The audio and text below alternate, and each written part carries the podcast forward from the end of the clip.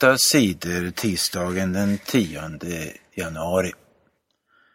Allt fler köper städning hemma. Rutavdraget har gjort att allt fler svenskar köper städning och andra hushållstjänster hemma. Köpen av hushållstjänster ökade med 27 procent 2011 jämfört med året innan.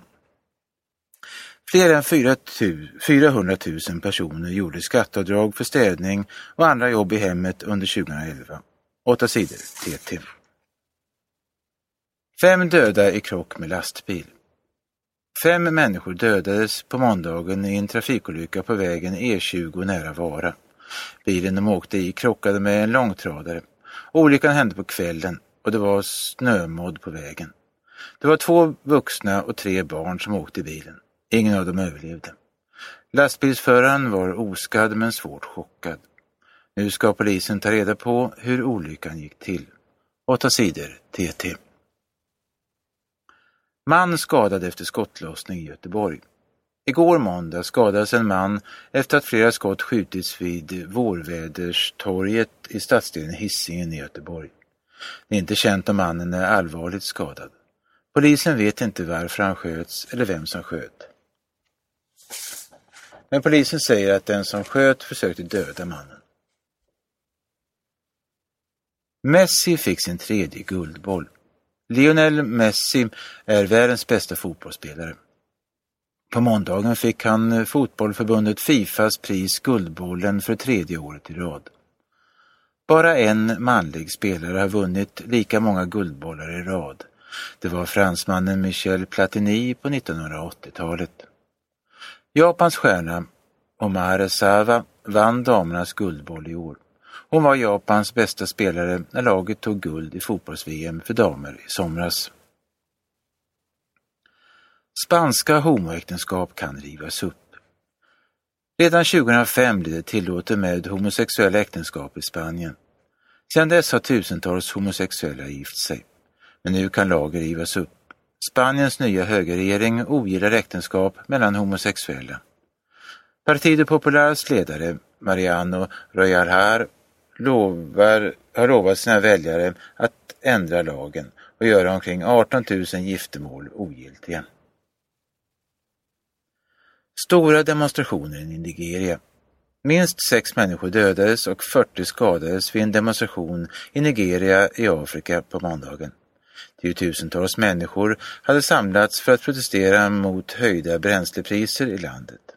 Nigerias regering har slutat ger bidrag för att hålla bränslepriserna låga. Det har gjort att priserna fördubblats. Människor i Nigeria strejkar nu och demonstrerar för att tvinga regeringen att sänka bensinpriset igen. 8 sidor TT.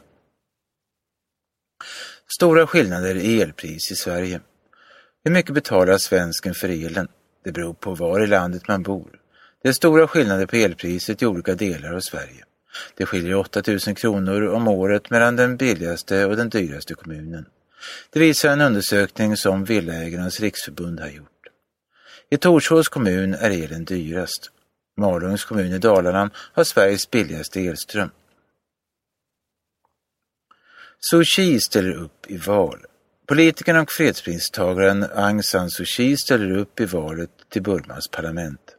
Aung San Suu Kyi har suttit eh, fängslad i Burma i många år. Landets militär har hindrat henne från att arbeta politiskt. För ett år sedan släpptes hon fri. Landets ledare började också tala om att göra landet mer demokratiskt och släppa politiska fångar fria. Men då var det ändå osäkert om Burmas ledare skulle låta henne arbeta politiskt. Nu ser det ut som om Aung San Suu Kyi litar på att Burmas ledare menar allvar när de talar demokrati. Hon ställer upp i valet i april. V-politiker tvingas ge bort en del av lönen. Vänsterpartiets politiker får inte behålla hela den lön de får i riksdagen eller EU-parlamentet.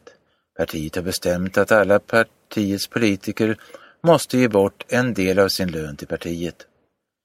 Ingen av Vänsterpartiets politiker kommer att få behålla mer än 27 000 kronor, 27 500 kronor i månaden efter skatt.